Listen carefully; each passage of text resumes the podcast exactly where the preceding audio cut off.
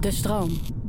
Mijn gast vandaag is Nelg, een van de meest talentvolle rappers van dit moment. En hij is natuurlijk heel gedreven bezig met de muziek, met het creatieve proces en het ondernemen dat daar ook bij hoort. Maar aan de andere kant ken ik hem ook vanuit de gym. Traint hij hard, traint hij goed, heeft hij een voedingsbegeleiding en heeft hij recent zelfs een wedstrijd gebokst. Wat is een mens zonder houvast in zijn manier van leven? En ieder heeft een handvat en eigen rituelen. Orde in je hoofd zodat alles te overzien is. We praten over routines. Ik ben het fit wat ik ooit ben geweest.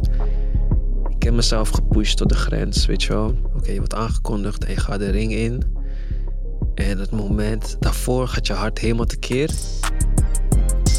We praten over routines. Ik pak wel koffie, maar jij drinkt dus helemaal geen koffie. Uh, nee, nee, nee. Mijn vriendin uh, is half Ethiopisch. En daar is koffie gewoon ja, het ding. Godendrank. Zeker. Um, maar ik weet niet, man. Het, het, werkt gewoon niet voor me. Ik legde net al uit aan Stefan van... Die pieken zijn te intens voor me. Ja? Ja, en ik crash dan ook heel heftig. Want wat gebeurt er dan? Gewoon... Uh, uh, ik, ik, word gewoon moe. Ik word gewoon moe. Gewoon een soort van suf. Suf. En dan, en dan volgens mij is, is de bedoeling dat je dan weer een koffie neemt. maar ja, ik weet niet. Het is gewoon ja. niks voor mij. Ik houd gewoon op thee en... en uh... Dat is wel wat er veel gebeurt, hè? Dat mensen... Er zijn heel veel mensen ook die zeggen... Ja, ik moet eerst koffie hebben voordat ik... En dat is gewoon natuurlijk allemaal een beetje fake. Ja. Fake energie waarmee je de dag begint. In die nieuwe wetenschappen hebben ze het mm -hmm. ook heel veel over... dat je niet voor dus de eerste 90 minuten na het opstaan sowieso geen cafeïne moet nemen. Ik kan me voorstellen. Zodat het niet je processen in de weg zit. Mm -hmm. Een soort valse boost geeft ja. uh, die je niet natuurlijk hebt. Ja, ik, ik vind de doopste boost om um, te creëren gewoon naar de sportschool gaan. Meteen in de ochtend? Ik, ik probeer het. Hij is wat taai. een soort van... Net... voor een man die ook veel in de nacht uh, optreedt natuurlijk ja, en ja. speelt hoe je net uitlegde, die eerste 90 minuten. Ja. ja, als ik vroeg in de ochtend train, is het wel binnen die 90 minuten dat ik opsta. En dan, en dan, um, en dan soms, soms dan heb ik een meeting ook best wel vroeg tussen dat stuk waar ik eigenlijk zou trainen. Dus heb ik mijn training verplaatst naar later. En dan merk ik gewoon dat ik in die meeting ook best wel suf ben. Omdat mijn lichaam gewoon gewend is aan uh, wakker worden in de gym. Ja dat, is, ja, dat zijn ook wel interessante dingen om te beseffen. Ja, ja, ja. Want neem eens mee door je ochtendroutine. Ja. um, ochtendroutine. Dus mijn wekker gaat. Um, deze dagen word ik wel wakker voor mijn wekker. Door de zon die opkomt. Hoe laat is dat dan? Uh, volgens mij rond kwart over zeven zo. Word ik als soort van wakkerig. Maar dan wil ik nog blijven slapen. Omdat mijn wekker eigenlijk acht uur zou moeten gaan. Of kwart voor acht, half acht. Hangt er vanaf. Als ik ga trainen, half acht. En niet dan acht. Maar ik ben dus daarvoor vaak wakker. En dan um, heel doe ik even een soort van klein gebedje gewoon in mijn hoofd. Gewoon bedanken voor de dag. Dat ik wakker ben. Heb je daar een vaste, vast format voor? Vaste formule? Nee, nee. Maar het is zeg maar... Het verschilt. Hè? Want sommige momenten is het echt dat, je, dat ik heel bewust in een soort van... In een soort uh, proces ga van bidden. En andere momenten is het gewoon meer de gedachte die ik even heb van wow. Toelaat. Ja, toelaten van ja man. Oké, okay, nog een nieuwe dag. Dank u voor deze goedemorgen. Juist, juist. En um, ja, soms is het dus echt bidden, maar soms is het gewoon alleen de gedachte alleen al. En als je bidt, wat doe je dan? Uh, gewoon wel ogen dicht. Ogen dicht en ik, uh, ja, ik lig gewoon. ik lig, maar soms is het ook dat ik gewoon wakker ben, dat, dat ik gewoon opsta. En eigenlijk in mijn handelingen, in mijn hoofd gewoon aan het bidden ben. In hoe ik aan het bewegen ben. En dan noem je gewoon dingen op waarvoor je dankbaar bent. Ja, ja, ja. Dankgebed. Ja. ja. Um, dat probeer ik. En dan uh, zet ik mijn wekker uit als ik voor mijn wekker wakker ben. Uh, mijn achtergrond, uh, mijn plaatje op de achtergrond van mijn telefoon is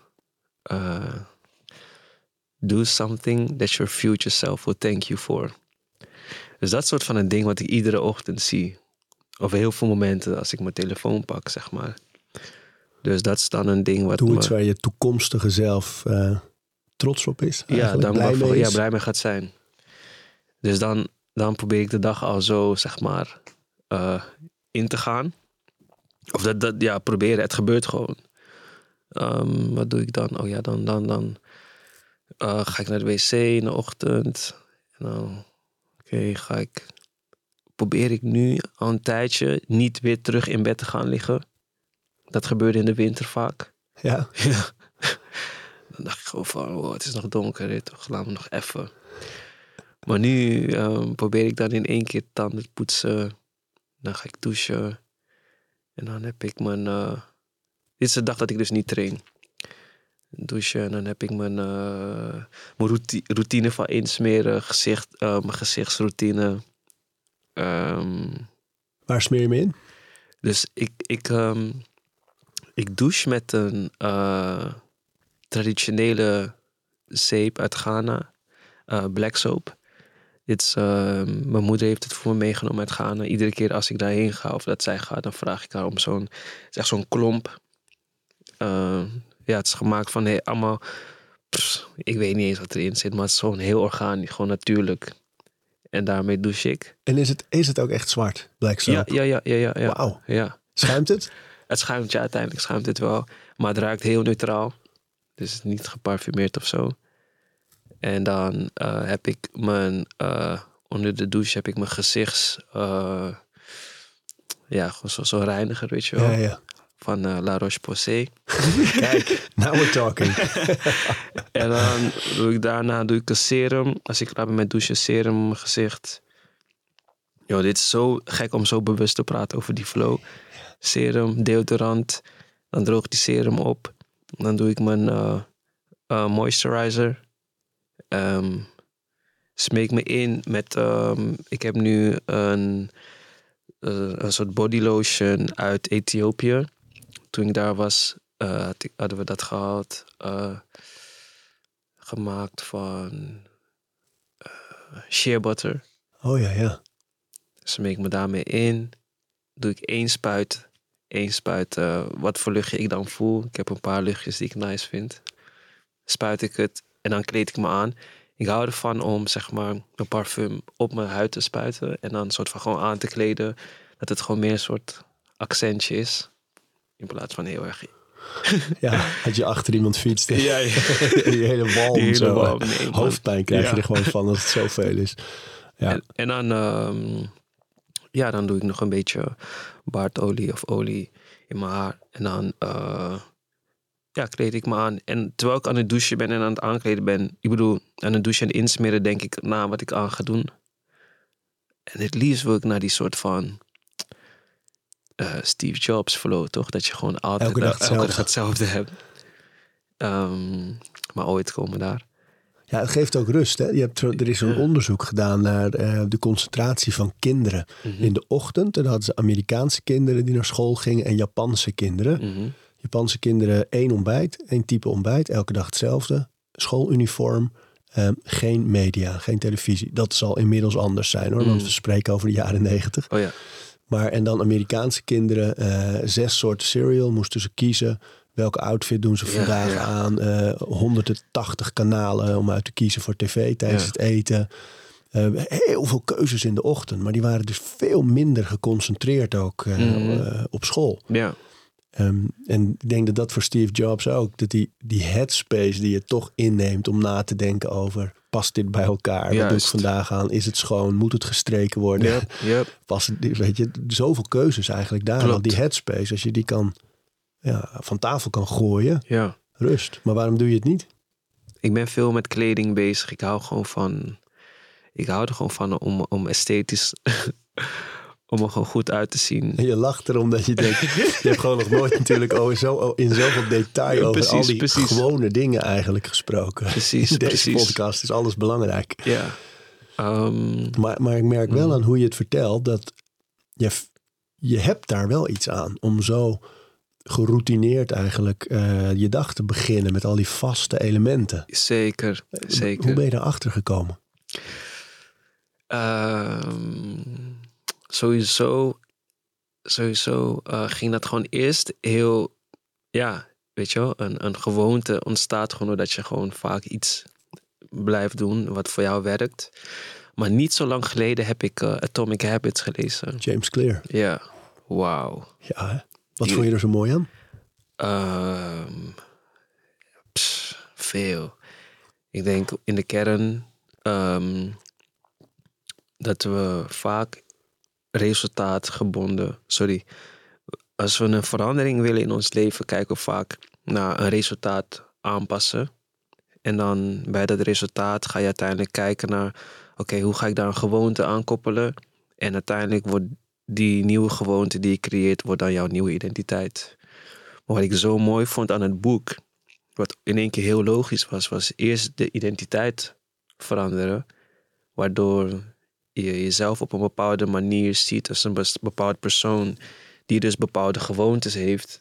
En die gewoontes zullen soort van stap voor stap, als je ze consistent blijft uitvoeren, ehm, ja, resulteren in ja, gewoon betere resultaten. Hoe kwam je erop om het te gaan lezen? Oh, hoe kwam ik erop? Kreeg je het getipt van iemand? Ja, ja van, mijn, eh, van een van mijn beste vrienden, Risky, die zei van... ehm, ja, die, die, die, die zat gewoon op, ineens in het boek. Ik weet niet hoe. Ehm, en wat vrienden om me heen, die hadden het er ook al over. Maar nog, die waren nog niet zo diep erin gegaan. En bij ons is het vaak, ehm mijn vriendengroep, dat als er een soort van boek trending is... is dat gewoon een soort van... die informatie is de topic van de maand of zo. en... ehm, ja, we spraken er gewoon heel veel over. En een soort van hoe hij me, met het enthousiasme waar hij me erover vertelde, dacht ik, ja, ik moet het gewoon in één keer halen. Dus ik koop het en ehm, ging ik eerst ehm, ging ik wat interviews van hem kijken, van James Clear. En toen besefte ik me van, ja, dit is gewoon, oké, ja, het is duidelijk. Let's go. En toen ehm, ging het gewoon heel snel. Ik lees best wel snel en veel dan. en ehm, zodoende. Mooi hè? Ja, Fantastisch boek. Het is ook echt. Er is ook een podcast van hem met eh, Tim Ferriss. En dan hebben ze het over hoe hij dat boek gebouwd heeft. die heb ik ook geluisterd. Ja, Over hoe hij helemaal onderzoek heeft Mhm. gedaan naar welke titels werken. Als je Juist. kijkt over alle jaren van Juist. welke dingen komen in die New York bestsellerslijst. Hoe, hoe bouw je dat? Eh, inhoud. En dat hij al een jaar van tevoren bezig was met de promotie. Klopt. Allerlei klopt. partijen aanschrijven. Het komt eraan. Kan ik dan Mhm. en dan? Mhm. Zo grondig hè? Eh, eh, en, en het was het van... Ja, je kan zoveel leren uit ehm, zo'n proces. Zeg Ja, maar, ik, ik, ik, ik ga geen boek uitbrengen op dit moment, maar ehm, ik kan me wel voorstellen dat die POV hebben in hoe je een proces aanpakt. Pss, dat is gewoon, ja. Dat, Kijk, dat, kijk jij zo dat je, dat je dan bijvoorbeeld denkt aan hoe jij nu met je muziek omgaat. Dus het, Mhm. van het creëren naar het promoten. Dat je denkt, ah, hier, hier pik ik dingen Zeker. uit die ik ook kan doen. Zeker. In, in, in, ik interesseer me, ik ben gewoon best wel heel breed geïnteresseerd eigenlijk. En daarin probeer ik in ieder proces van iemand, ehm, is het een interview, is het, is, het, is het een documentaire, whatever, gewoon iets te halen om toe te passen in mijn eigen leven. Dus bij James Clear vond ik soort van dat stukje, eh, die promotie, maar ook soort van het nadenken over hoe, ja, wat je net zei, hoe, hoe komt hij op die titel? Wat voor onderzoek heeft hij daarvoor gedaan? Et cetera, et cetera. Hij wilde gewoon geen, zo min mogelijk ruimte overlaten voor toeval in de voorbereiding, Mooi hè? toch? Terwijl, eh, maar hij laat wel heel veel ruimte open ehm, om, voor de magie om te ontstaan. Maar in de voorbereiding is hij wel een soort van alles zo aan het zetten dat als het eenmaal start, dan heeft hij gewoon gedaan wat hij kon doen. Zo optimaal mogelijk. En dat, dat had mij ook echt eh, geïnspireerd. Ja, mooi hè? Ja, Ja, en Ja. het is ook best wel moeilijk, denk ik. Eh, met name in die promotie ben je in Nederland, en dat Mhm. zal in Amerika net zo zijn, toch ook altijd afhankelijk van mogelijkheden natuurlijk. Dus Ja. hij, hij was een blogger ja, wel met een heel groot bereik al, maar nog niet een eh, gevestigde schrijver. Nee. En, ehm, en om dan toch, weet je, in al die de grotere podcasts, best wel veel tv, best wel veel print, precies de juiste eh, websites. Mhm. Om dat helemaal zo te bouwen. En Ja. eh, dat is hard werken hoor. Mooi. Heb jij er iets uitgehaald voor als jij in de toekomst een boek, whatever, uit gaat brengen? Ja, zeker, zeker. Want ik, ik, doe, ik doe titels bijvoorbeeld altijd op gevoel. Mhm. Eh, en ik vind het het mooist als een titel helemaal weergeeft wat het is al. Mm. Eh, maar dat, dat bewerkstellig ik vaak eigenlijk in een subtitel. Dus nu bijvoorbeeld het laatste boek, dat heet Trainen voor het leven. Ja. Maar dan voel je nog niet dat het voor oudere mensen vooral ook is. Nee. Dus dan, dan heb ik de subtitel Krachtig ouder worden. Ah, Maar ik vind het het mooist. Bijvoorbeeld tv-programma's hadden wij op een gegeven moment een programma dat ging over eh, jonge mensen die voor het eerst aan hun omgeving gingen vertellen dat ze gay waren. mhm. En het heette Uit de kast. Mhm. Ja, bam. Dan weet je precies al waar het over Juist, gaat. ja.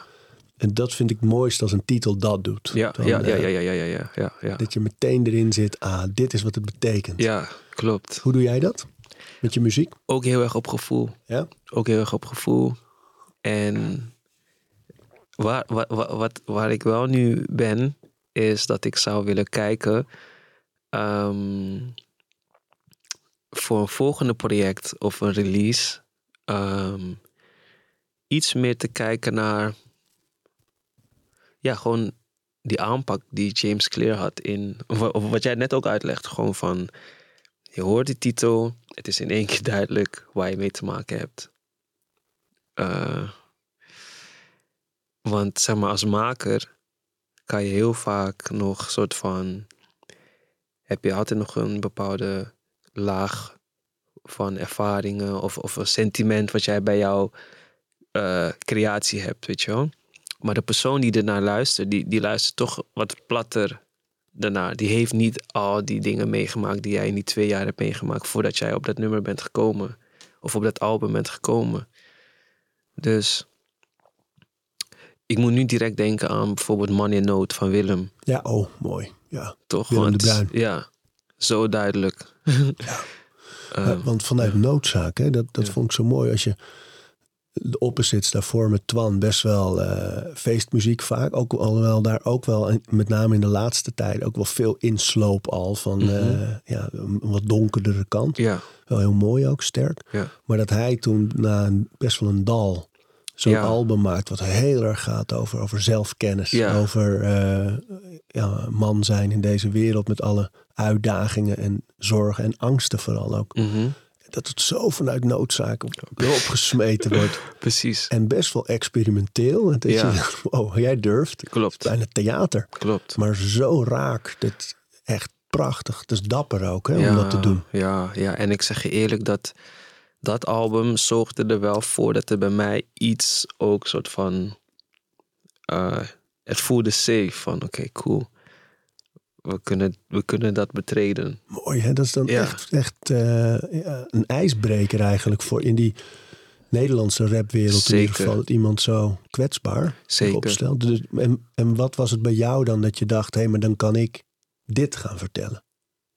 Eh, Zelfkennis was dus de eerste track die we maakten, waarbij, eh, dus, waarbij we voelden van oké, dit is een nummer wat op een album moet komen. Er was nog helemaal geen idee van wat het album moet zijn, maar het was een soort van wat er toen tot me kwam en hoe scherp dat ook overkwam in dat moment eh, met, met Benny, de producer waar ik mee werkte, was het gewoon van yo, dit hebben we nog niet aangeraakt, man. Dit hebben we nog niet eerder weten te doen. Dus dan, dan zet je het dan al aan de kant van, oké, het zou in ieder geval één pilaar. En wat was het, de inhoud? Want wie Eh, voor wie het nummer nog niet kent, ja, zelfkennis, ja, ja. absoluut aan te raden om even op te zoeken op Spotify. Mooie, Dankjewel. eerlijke inhoud. Zelfkennis gaat gewoon over, is, is denk ik een beknopte versie van ehm, de persoonlijke ontwikkeling die ik soort in de afgelopen twee jaar heb ervaren. En door eigenlijk te twijfelen aan mijn eigen doen en kunnen. In een moment waarin alles wegvalt met zo'n hele wereldpandemie. En daarna gewoon de kracht weer vinden in mezelf. In plaats van in de externe eh, resultaten of complimenten. Het gewoon eerst bij mezelf vinden. Yeah, unapologetic. Show ze hoe het werkt. Zoek al een tijdje justice, ik doe het poetic. Ken een man met bodies, vroeger gingen we zelf de kerk. We hebben allemaal pijn, het is maar hoe je het verwerkt. Ik denk aan dagen dat ik niet wist hoe ik verder moest. Caught up in de red race als je alleen maar cheddar zoekt. Schets mijn life in woorden, frame hem in een paspartout. Veel ruis, dus ik trek dichter naar de schepper toe. Hoe doe je zoiets? Ik heb het gevoel. Deze aflevering wordt je aangeboden door Squarespace. Dat is een alles-in-één platform waarmee je heel makkelijk zelf je website kunt bouwen. Of je nou producten of diensten wil verkopen of bijvoorbeeld kunst wil delen met de rest van de wereld. Ik noem even kort drie functies van het platform. Het bevat een ontwerpsysteem waarmee je zelf je website kan vormgeven. Je kan abonnementen verkopen voor een deel van je site. Dan kun je bijvoorbeeld speciale content aanbieden aan leden. En Squarespace analyseert hoe je platform presteert en wat er voor nodig is om je bedrijf online verder te laten groeien. Wil je het uitproberen? Start dan je gratis proefperiode via squarespace.com/overroutines. En ben je klaar om je website echt te lanceren? Gebruik dan de code OVERROUTINES. Dan krijg je 10% korting op je eerste aankoop van een website of domein. gevoel dat het begint bij openstaan in het leven dat je klaar bent voor verandering. En dat er ook uitspreekt, zeg maar. eh, voor mij is het dan in, in, in, in vorm van gebed of mijn intenties uitschrijven. Of met mensen dichtbij me erover praten. En dan merk ik gewoon dat ik dan, dan, dan heb ik het gestart. Gewoon. Zo, zo, zo kijk ik naar het leven van ik vind dat je tong heel veel kracht heeft. Dus het moment dat ik zeg van, yo man, ik, ik wil verandering in mijn leven, weet je wel. Ik wil, ik wil gewoon muziek maken nu. Ik, ik zet de intentie om muziek te maken, om, om mensen levens te impacten. Om de volgende generatie te inspireren, om de volledige potentie uit mezelf te halen. En ik wil gewoon dichter bij mezelf staan in, in mijn creatieproces dan, dan, dan start het gewoon. En dan, dan wat, wat er dan gebeurt is, soort van, het is niet alsof ik in één keer wakker word en soort van, oh ja, Eureka, ik heb het nu. wat ik merkte was dat er heel veel ehm, situaties op mijn pad kwamen die ik soort van moest oplossen of waar ik mee moest dealen, die gewoon heel oncomfortabel waren. Die mij gewoon op een plek zetten van, oké, ehm, ik kan dit niet op dezelfde manier aanpakken als hoe ik het voorheen zou doen. Wil je daar een voorbeeld van noemen? Eh, ja, als, als. Dus ik zie mezelf als artiest, maar eigenlijk in de brede zin zie ik mezelf gewoon als een creatief ondernemer. En je hebt te maken met mensen die jou willen helpen in die visie ehm, ja, behalen. Of een soort van naar dat punt toe gaan waar jij voelt van, yo, dat is waar we naartoe moeten. Maar daarin heb je gewoon te maken met, ja, je hebt gewoon te maken met mensen, met emoties en gevoelens. En ik ben gewoon een persoon van, me, van, van nature, was ik eigenlijk een persoon die, die het heel moeilijk vond om eigenlijk bijvoorbeeld confrontaties aan te gaan. En, maar door, door dit werk, door, door dit, deze, deze route waar ik op ben, werd ik gewoon heel erg gepusht gewoon om dat aan te gaan. En niet op de manier van, ja man, ik zoek ruzie. Maar eigenlijk, yo, we hebben nu een knoop in onze situatie, in onze relatie, in onze flow. En die moeten we nu doorhakken. En dat was echt iets wat ik vaak heel moeilijk vond om te doen. Ehm, omdat, ja, ik weet niet, als je, als je me nu zo hoort, zou je waarschijnlijk gewoon denken, ja, maar ik ben gewoon, ja, ik ben gewoon een chill persoon. Maar in het ondernemerschap moet je soms ehm, niet per se niet chill zijn, maar je moet wel heel duidelijk zijn in waar je, wilt, waar je naartoe wilt gaan. En ook in welke kaders je wilt dat mensen bewegen. Ik kan me voorstellen dat als je dromen uitspreekt, Ja. veel mensen zijn bang om dat te doen, omdat ze de reactie niet kunnen Mhm. hebben. De- dat er gezegd wordt, ah, doe maar normaal. Of, of dat er gelachen wordt. Of, dat, of mensen hun schouders of achter je rug gaan, gaan lopen roddelen van Ja, moet je hem nou horen. precies, van precies. Die, die stille uit de kerk, Ja, bijvoorbeeld. Ja. Van, heb je dat meegemaakt? zeker. Zeker. In je gezicht? Ja, ja, gewoon bij de kapperszaak, weet je wel. Dat mensen zich gewoon uitlachen van... Yo man, sinds wanneer maak jij muziek, weet je wel? dat soort dingen. Maar ehm, tuurlijk, en op zulke momenten voel je je ook wel klein. Maar ik had, zeg maar, dat geloof is zo, was zoveel sterker. Hoe, hoe in- komt dat? Wat is dat? Dat je, Hmm, want dat vind ik altijd Ja. fascinerend bij mensen die een droom hebben en, er, en ervoor gaan. ja. Ook al zegt de buitenwereld soms nee, niet voor jou of ja, Mhm. ja, ja. Wat is het dat je dan durft te geloven, durft vast te houden en het, Ja. en het dus ook gewoon aan het doen bent? Ik denk dat ik het sowieso ook vanuit mijn opvoeding een beetje heb. Ehm, mijn moeder, mijn moeder is, ehm, mijn moeder is, is, is, is best wel gelovig. En zij, zij heeft me gewoon op jonge leeftijd al heel veel, heel erg bewust gemaakt over de reis die zij had gemaakt vanuit Ghana hier naartoe. Mijn vader die, die, die, die heeft mij daar ook over verteld. Maar mijn vaders startpunt was toch wel wat, wat, ehm, toch wat chiller. Die, die kwam uit een eh, middelklasse gezin. Ehm, veel broers en zussen. Dus er is gewoon veel draagvlak in. Er was, er was veel draagvlak in hun opvoeding en in, in hun leefomgeving daar in Ghana. Maar mijn moeders kant was gewoon. Ja, dat is gewoon. Ik wil het niet zo zeggen, maar gewoon de bodem, weet je wel. En zij had op een dag. Was er een kennis binnen hun eh, gezin die zei tegen haar moeder van, weet je wel, omdat, omdat jullie gezin ja, zo hard werkt, wil ik, eh, ga ik één van jullie kinderen de kans geven om ja, een reis te kunnen maken naar Europa. En dan, ja, maar moet je wel verder zelf checken wat je dan doet. Wauw. Ja, en toen was het En dat gewoon- was je moeder. ja, dat was mijn moeder. En toen ehm, ja, is zij gewoon gaan werken. Gewoon, en, en met werken heb ik het over niet een baantje bij de Albert Heijn, supermarkt daar in Ghana, weet je wel. Maar gewoon, weet ik veel, naar, naar, naar Burkina Faso gaan en, en dingen daar kopen om weer te gaan verkopen in Ghana. Dus soort van echt de kern van hustelen. En dan op een gegeven moment had ze dus dan, hadden ze dan het geld. En ik denk niet dat zij dat helemaal alleen heeft verzameld, maar ook een beetje gewoon het, het gezin heeft bijgedragen. En toen was het van, oké, ja, pak je tas in en ik kom binnen, binnen een week veel, binnen een aantal weken kom ik en dan moeten we gewoon gaan. En toen eh, was het zover. En toen moesten ze gewoon in, in één keer, weet je wel, moesten gaan. Ging ze naar België met nul, nul contacten, nul informatie waarschijnlijk wel een contact van oké, je moet die persoon checken en dan word je wel opgevangen binnen een gemeenschap die daar is. En ehm, weet je wel, als, als je dan dat soort verhalen gewoon vaker hoort als kind en beseft dan dat je van zo'n, uit zo'n opvoeding komt, eh, zo'n, eh, hoe noem je dat, vorm van veer, veerkracht gewoon, dan is het gewoon van oké, cool. Eigenlijk ben ik op mijn manier hetzelfde aan het doen. Natuurlijk niet met zulke extreme.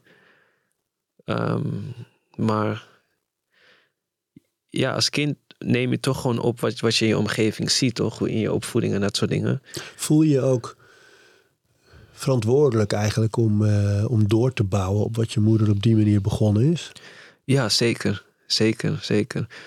En soms, mm, ik zeg je eerlijk, soms heb je ook wel een soort van, oké, het, is, het is wel echt veel, omdat, omdat het ook, eh, je bent het wiel aan het uitvinden, zeg maar. Ik heb niet eerder tools van iemand ontvangen in mijn omgeving over hoe ik hier in Nederland als ondernemer moet bewegen, eh, hoe ik carrière moet bouwen. Dat zijn allemaal dingen die je along the journey gewoon leert.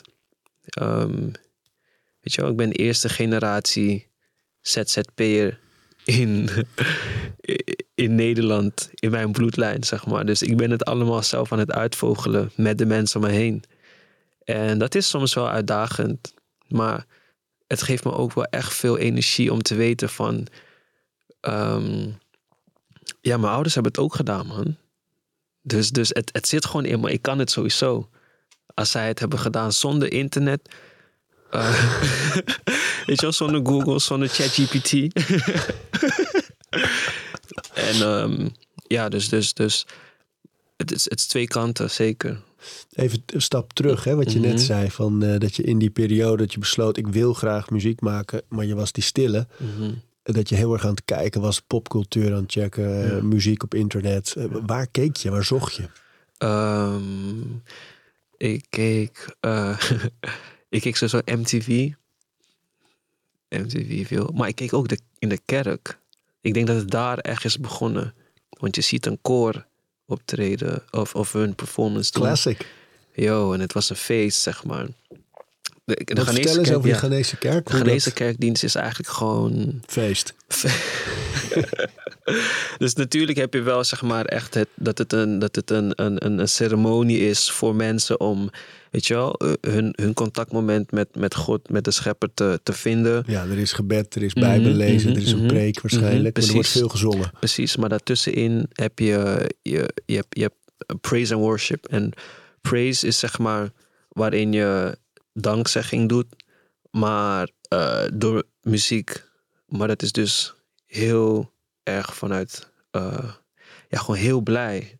Dus het is gewoon een feest eigenlijk.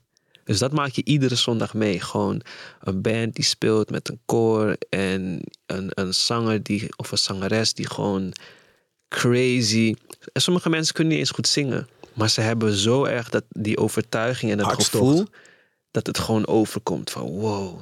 Mooi. Ja, dus, Oh, dus ja. Mijn vader vertelde altijd het verhaal ehm, ehm, dat hoe, toen hij tot geloof was gekomen als jongen, weet je Mhm. wel, in het begin ging hij er een beetje mee zo. want Zijn, zijn moeder eh, ging naar de kerk. Mhm.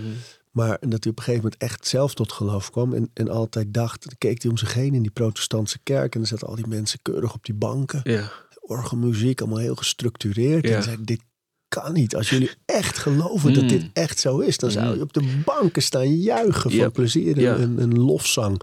En zo is het daar. Zo is het daar, man. Zo is het daar. Dus zeg maar, als je, als je niet eens zou geloven en je zou gewoon een keer naar de kerk gaan waar ik, waar ik naartoe ga en je kijkt gewoon, dan, dan zou je gewoon denken van dit is gewoon een soort concert waar ik nu bij ben. dus ik denk dat daar al heel veel impact was gecreëerd in eh, interesse in optreden, in, in muziek.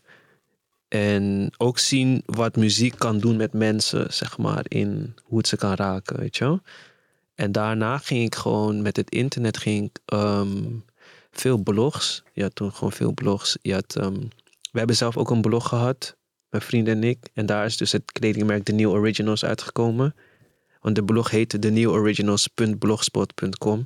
Is nog steeds te vinden. En dan, daar, daar, dan, dan gingen we gewoon... We verzamelden gewoon eh, dingen die we tof vonden. Dus op um, Hypebeast, maar ook YouTube, gewoon graven. Allereerste nummers van Drake gingen we dan plaatsen. Ehm, over Jordans. Ehm, we waren zo gewoon, ja, echt veel bezig gewoon met eh, gewoon zoeken naar wat vinden wij cool. Dat is zo mooi, omdat ik ben bij jou dan ook altijd op zoek een beetje... en sowieso bij artiesten, als ze hier ook aan tafel schuiven... van, van dat creatieve proces, hoe dat tot stand komt. Van, ja, Je hebt je eigen levenservaring, je hebt je, de invloed van artiesten die je noemt... en die je bewondert, Mhm. waar je zelf naar luistert. En dan meestal is het zo in zo'n creatief proces... dat een kunstenaar eerst een beetje nadoet... ja, en dan op een gegeven moment ineens klopt. zijn eigen signatuur vindt, wat misschien nog wel lijkt op dat nadoen, maar wel een eigen toon krijgt. Dat is bij jou ook gebeurd. Zie ik Mhm. heel duidelijk in je muziek, hè? Ja. Wauw. Ja, dat is waar. Dat is waar. Sowieso in dat nadoen. ehm, het is interessant, want je, je, gaat, je, je, wil, je wilt het nadoen, maar je- als mens kan je nooit 100% iets precies nadoen. Dus je zou altijd nog een soort van je eigen twist eraan geven. En ik denk dat mijn eerste tape die ik ooit uitbracht, What Else? mm, ik weet niet echt zo goed wat ik na probeerde. Ik denk dat ik gewoon allemaal dingen die ik interessant vond na probeerde te doen. Van de, de muziek in, in eh, Atlanta vond ik heel interessant. De dingen die Young Thug deed. Maar ik vond Kanye West ook heel interessant. Maar ik, ik vond de R&B, gewoon whatever. En dat ging gewoon soort van blenden in... Oké, ja, hoe, hoe, zou ik dat doen als jongen in Zuidoost? En ik, ik, ik, ik beweeg in het, in het centrum. En ik heb dus deze mensen om me heen die kunnen produceren, die heel tof zijn. En deze vrienden die ook gewoon eh, kunnen rappen, zingen, eh, instrumenten kunnen bespelen. Oké, cool. Ja, laten we gewoon iets proberen te doen. en, en dan we, maken we een cover waarin ik mezelf niet te serieus presenteer. Maar dat is eigenlijk gewoon een soort. Hoe kan ik opvallen in dit hele landschap waarin iedereen zo serieus is, toch? Gewoon in, in de hip-hop, toen de tijd vooral, was iedereen heel. Ja, man, ik, ik ben er. Macho-achtig. En ik dacht gewoon. Ja, ik, ik ben gewoon kleurrijk. Ja, En ik ben gewoon vrolijk. maar bijna ook in het begin bijna ook een soort beetje nerdy. Bijna. Ja, ja, ja. Een beetje, eh, hè, toch? ja, gooi het maar op tafel. Nerdy, ja man. ja, ik was gewoon een nerd. Gewoon een, een nerd. Nerd op zoek naar dope dingen gewoon. Tyler, the Creator, deed het in het Ja, begin qua, ja, ja, qua, was qua zeker. personage. Maar zeker ook echt een grote... Er ging ook echt iets open toen ik hem zag bewegen. Ik wist gewoon dat, dat die extreme... eh, hoe hij zo extreem soms kon zijn, dat was niks voor mij. Maar in het creatieve eromheen... En gewoon eigenlijk dat, dat gevoel van scheid. Van ja, ik, ik, ik doe gewoon wat ik wil. Dat, dat was zeg maar echt wat mij ehm, heel erg had doen onderscheiden van de rest. Even over je boksen, want Ja, op een gegeven moment zag ik je ineens eh, elke week flink in de training Yep. eh, hangen. Echt, Yep. echt boksering in. En je hebt gewoon een wedstrijd gevochten Ja. en gewonnen. ja, ja, ja. Even, even het moment dat je besloot, dit ga ik doen. Oké. ehm, ik trainde al dus denk ik vier jaar, drie jaar bij de Fondo Gym. Deed ik gewoon mee met boksen. Gewoon nog heel erg gewoon eh, eh, recreatief. Maar wel altijd in mijn achterhoofd van... Hey, het zou wel echt dope zijn om ooit een wedstrijd te doen. En toen... ehm, ja, toen, toen op het gegeven moment kwam de... Ik was met Marvin, eh, een van jouw partners, Ja. in gesprek. Hij had, een, le- hij had een training gegeven en toen zei ik... Yo, het zou wel dope zijn, man, om een clubkampioenschap te doen. En toen zei hij, ja, hè? Toen zei ik, ja, man, gewoon doen. En toen kort daarna zei hij, ja, maar ik heb het, ik heb het gedaan. We gaan het regelen. en toen zei ik, oké, cool, ja, ik doe mee. En ehm, al heel snel... Dit proces van dat ik het liet weten nadat het echt gebeurde... gebeurde echt binnen een maand, volgens mij. Dus ik wil niet alle credits nemen, maar... Je hebt hard Ik gewerkt. heb hard. Maar in ieder geval, dus oké, toen, toen, toen startte het proces eigenlijk waarin we te horen kregen dat we een traject van zes maanden of van een jaar in zouden gaan op basis van hoe jouw skills waren. En gelukkig mocht ik bij de groep van zes maanden. En dan moest je dus zes maanden trainen met een groep en kreeg je ook een coach. En zou je daarna dus ehm, ja, de ring in gaan. En ik had het geluk ook dat ik met Chrisan, Chrisan Mulder, als, eh, dat, ik, dat ik haar als coach had. Een van de sixte coaches. Ja, Nederlands kampioen. Nederlands kampioen, weet Ja. je wel. Dus ehm, ik ging er gewoon heel bewust in. En tegelijkertijd was ik door Top Nationals ARC. Die had even een soort pilot met de Fondo Gym. Om te kijken of ze artiesten met een personal trainer en een voedingscoach kunnen... Ja. ja, dat is een idee van, eh, van Vincent Patty, Jiggy J. ehm, die daar nu aan het roer staat. En zijn idee was eigenlijk om voor artiesten permanent, voor ooit, voor alle artiesten en Mhm. alle werknemers binnen die club eh, te bouwen. Dat ze een trainer hebben, een voedingsdeskundige en misschien ook nog een coach. Eh, uiteindelijk is het Ja. idee. Hm. En nu hadden we een pilot van. eh, nu hadden we een pilot van een half jaar. Ja. Met onder meer jou dan Ja. eh, van mensen die die begeleiding hadden. Dus een personal trainer, voedingsdeskundige ernaast. Juist. Om te kijken waar het schip strandt. Yo, en dat was, dat was dus die timing. En dat viel allemaal tegelijk, zeg maar. Dus dat was soort van niet normaal eigenlijk. In wat voor eh, routine ik kwam. Ehm, dus ik trainde drie keer per week boksen. En dan ook drie keer per week eh, kracht met eh Chesto, DJ Abstract als, als personal trainer. Goed bezig is die, hè? Wauw, was niet normaal, man. Sowieso, wij, wij, we, we kennen elkaar en hebben al echt een goede klik, maar dit bracht ons ook echt dichter bij elkaar. En eh Jasmijn, ehm, voedingsdeskundige, Dat is mijn Almuli. Ja. yes, zij eh, heeft me ook echt soort van heel veel geschoold en bijgeleerd over voeding en soort van. Dus dan tegelijkertijd zat ik in die twee processen, maar ze gaan beide over gezondheid. En het deed me heel erg. Wat ik het mooie vond aan Atomic Habits is dat ik onbewust eigenlijk was ik al bezig met dus nieuwe routines creëren. En dus die eerste drie maanden waren echt zwaar. Gewoon je leven wordt gewoon een soort van omgegooid. En ja, dus, maar onbewust, ik, ik wist gewoon van, ik ben zo hard aan het trainen. Ik, ik heb al gewonnen eigenlijk. Los van wat er in de ring gebeurt. Maar wat En, merkte ja. je in je, in je muziek, in je Mhm. creatieve proces ook? Mhm. Dat je op andere vlakken de roer had omgegooid? Ja, want het was ook, ik was ook tegelijk mijn album aan het afmaken. Dus eh, moet je je voorstellen, ik ging gewoon met zo'n megatas naar de gym en daarna naar de studio of naar meetings of whatever. Dus het was gewoon, en ik stond gewoon vroeg op. Je, je, je zit gewoon echt in een soort van, in, echt in een ritme. En het is wel een beetje autopilot. En soms dacht ik wel van, joh, is dit echt mijn leven? Maar aan de andere, andere kant had ik een doel, weet je wel. De, de, de bokswedstrijd was de week voor mijn albumrelease. dus qua timing was dat ook gewoon, gewoon lijp. Maar het, het trainingsproces met, eh, met het boksen was gewoon heel... Het, het leerde me heel erg om, zeg maar, eh, in het moment en ook in het moment te zijn en ook te vertrouwen gewoon op de skills die ik gewoon in me had.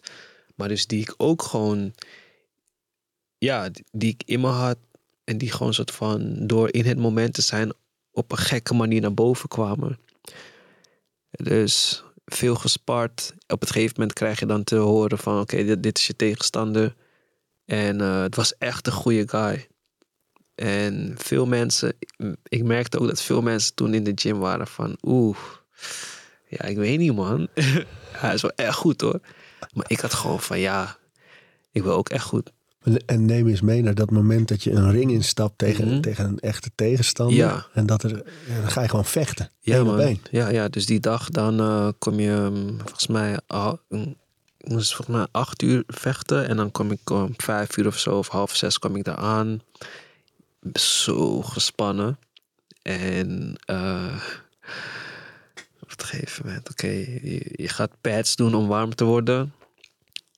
En daarin ben ik al de hele tijd gewoon tegen mezelf van het zeggen. Het, het, het ging niet eens om de winst, maar het is gewoon van ik, ik was gewoon met mijn hoofd af van ja, ik, ik heb al gewonnen, los van wat de uitkomst ook wordt. Ik ben het fit wat ik ooit ben geweest. Ik heb mezelf gepusht tot de grens, weet je wel. En dan op het, oké, dus dan loop je. Oké, je wordt aangekondigd en je gaat de ring in.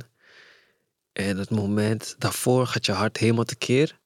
En eenmaal in de ring, dan soort van valt alles gewoon weg. En dan lijkt het gewoon alsof je in een soort sprookjeswereld zit en alsof je gewoon klassieke muziek hoort en je float gewoon. Dat is de staat waarin ik toen was. Ik was gewoon in de flow.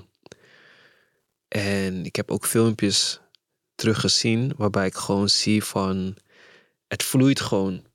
Maar je ziet wel de blik in mijn ogen is wel, is wel gewoon van, joh, ik kom jou gewoon pakken nu. Maar ik had niet de stress intern van Precies waar je wil zijn. precies waar ik wil.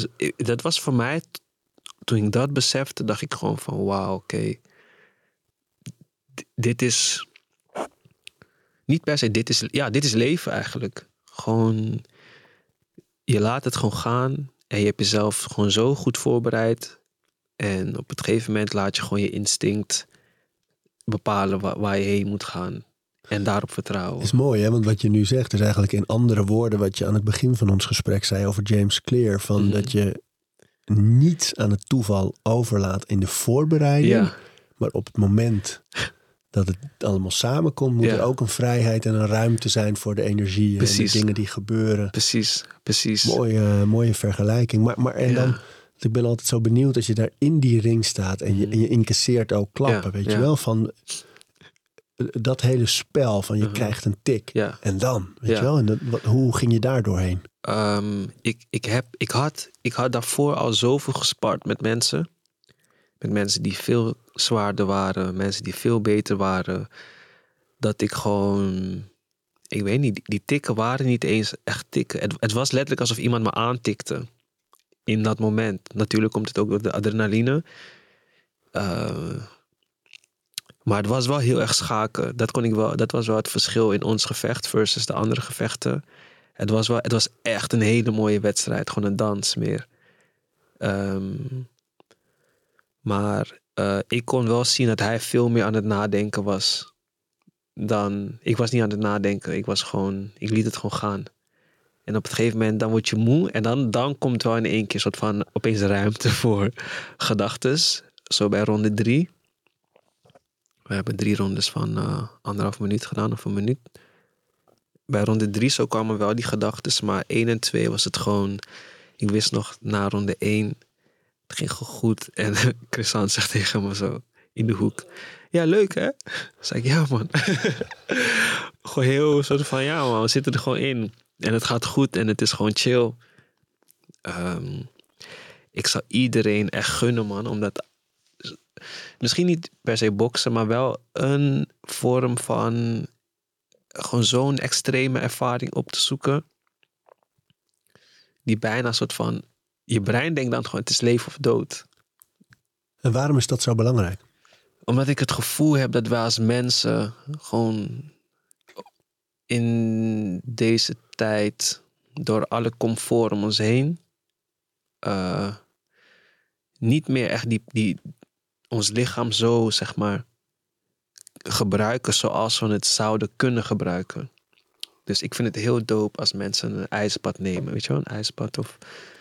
Ik weet niet, maar, maar gewoon een beetje die extreme van het lichaam opzoeken. Het, uh, het oncomfortabele. Het oncomfortabele, ja. want dat, dat houdt het lichaam ook uh, scherp of zo.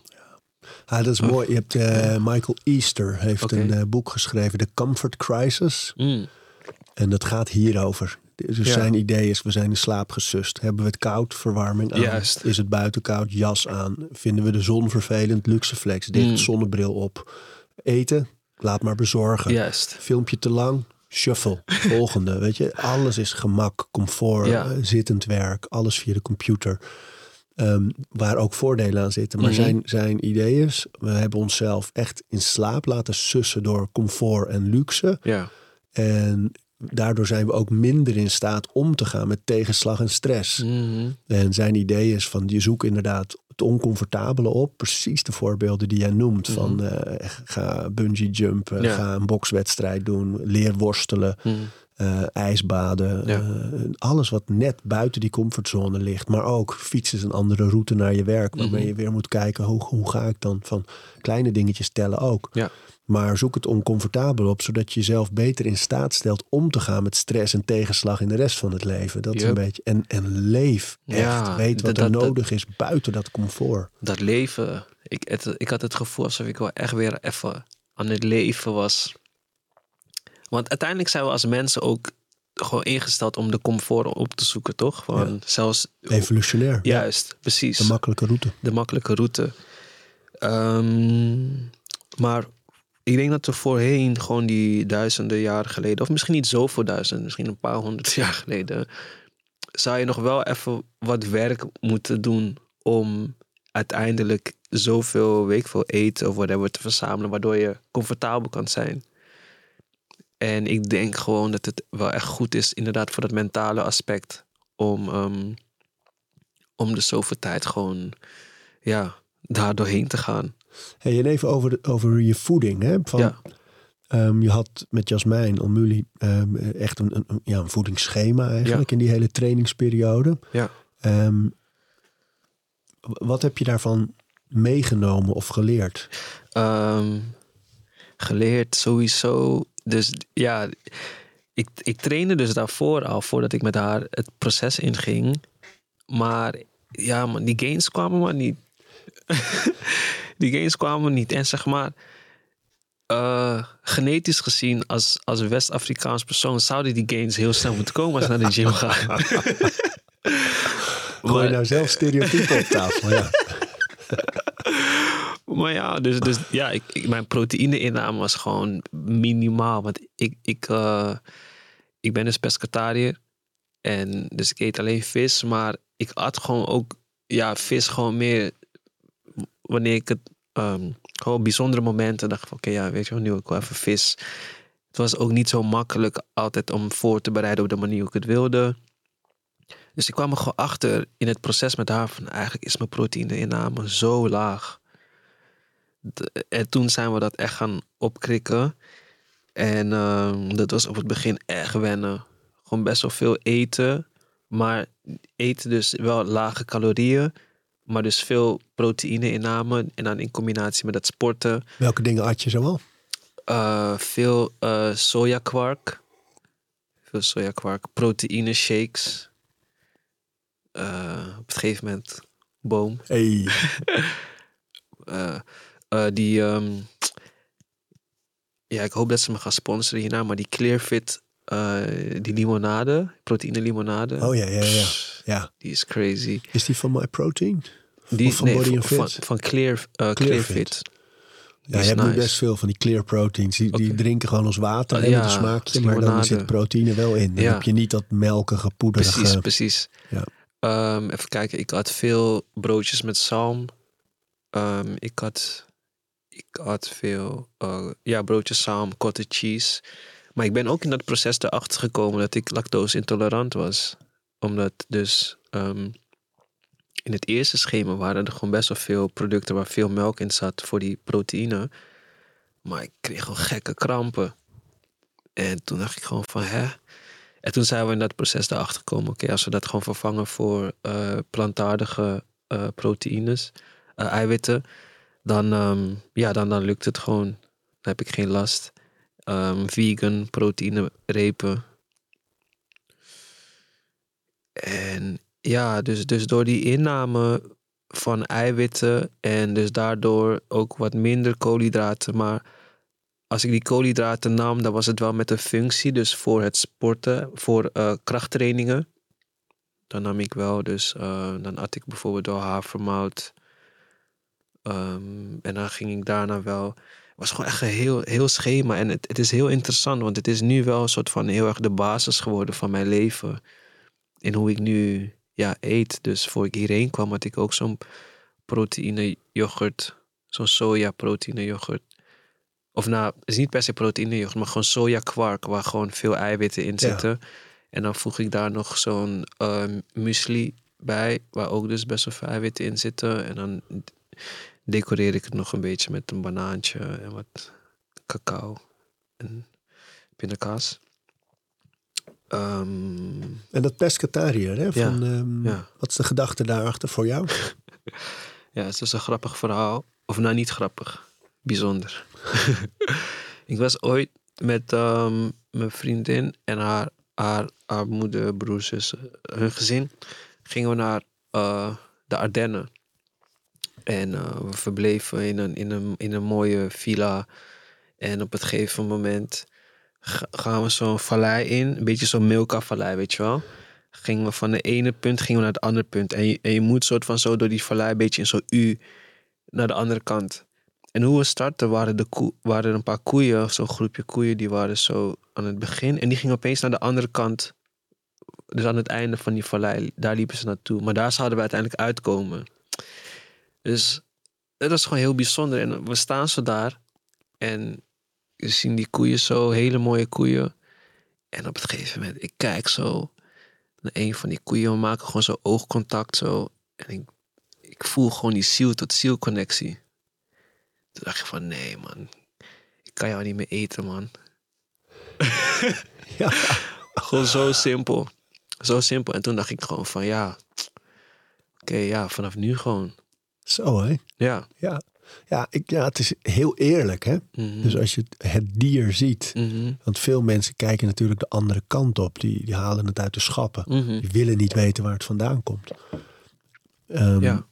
dat, dat is zo, kan zo sterk zijn dat, eh, ja, dat als je een connectie hebt met een dier, dat Ja. je denkt, nee, maar dit ga ik niet meer doen. Of juist dat je zegt, kan ik jou zelf doden? Ja, ja, Dan kan die- ik je ook nog eten, ja, maar ik ga het niet uitbesteden. ja, ja, dat vind ik dus ook eh, interessant. Maar ik zeg je eerlijk, ik was de laatste tijd wel eventjes toch wel wat kip aan het eten. Ja, maar het moet ook niet rigide. Vind je niet? Ik vind, als we allemaal trouwens gewoon stappen Mhm. in de juiste richting zetten en Ja. iets minder vlees. eh, eh, ja, en, en niks uit de bio-industrie het liefst. Mhm. Eh, dan gaat het al zoveel beter als iedereen dat een beetje doet. Dat hele zwart-witte van je mag alleen maar dit en je Mhm, mag mhm. alleen maar dat niet. Nee. Dat, dat werkt niet, joh. Dat is Nee. niet, eh, niet toegankelijk ook. En dat, daar ga je de massa ook niet krijgen. Nee, hè? hey, waar kunnen de mensen je vinden? Waar kunnen mensen mij vinden? In de, in de echte wereld gewoon buiten. In het wild. In het wild. In het veld. Veel optredens deze zomer? Ja, ik heb nu best wel wat dingen staan. Maar ik ga nu even, even, even mijn hoofd ontspannen in Zuid-Frankrijk. En dan kom ik weer terug. Maar waar ze me kunnen vinden op social media, op Instagram, Vote voor Nelg. Op eh, Spotify, Nelg met twee N'en. Right. Ja, dankjewel man. Tof dat je er was. Was super nice. Ja. Het voelde gewoon echt als een, eh, ja, gewoon een conversatie die we ook over normaal gesprek. Het werd toevallig opgenomen. Ja, Mooi dat je er was, dank. yes, dope. We praten over routines. Dankjewel voor het luisteren. En voordat je weer doorgaat naar andere dingen, wil ik je nog even wijzen op Over Inspiratie. Dat is het mailtje dat ik elke donderdag rondstuur met drie tips. Dingen waar ik zelf veel aan gehad heb. Het kunnen producten zijn, artikelen die ik gevonden heb online, onderzoeken, eh, Instagram-accounts, podcasts, boeken, van alles eigenlijk. En ik denk dat je daar zelf ook veel aan kunt hebben. Dus vind je het leuk om dat mailtje elke week te ontvangen? Dan kun je je opgeven op ariboomsma.nl onderaan de pagina. Dan krijg je voortaan elke donderdag in je mailbox over inspiratie.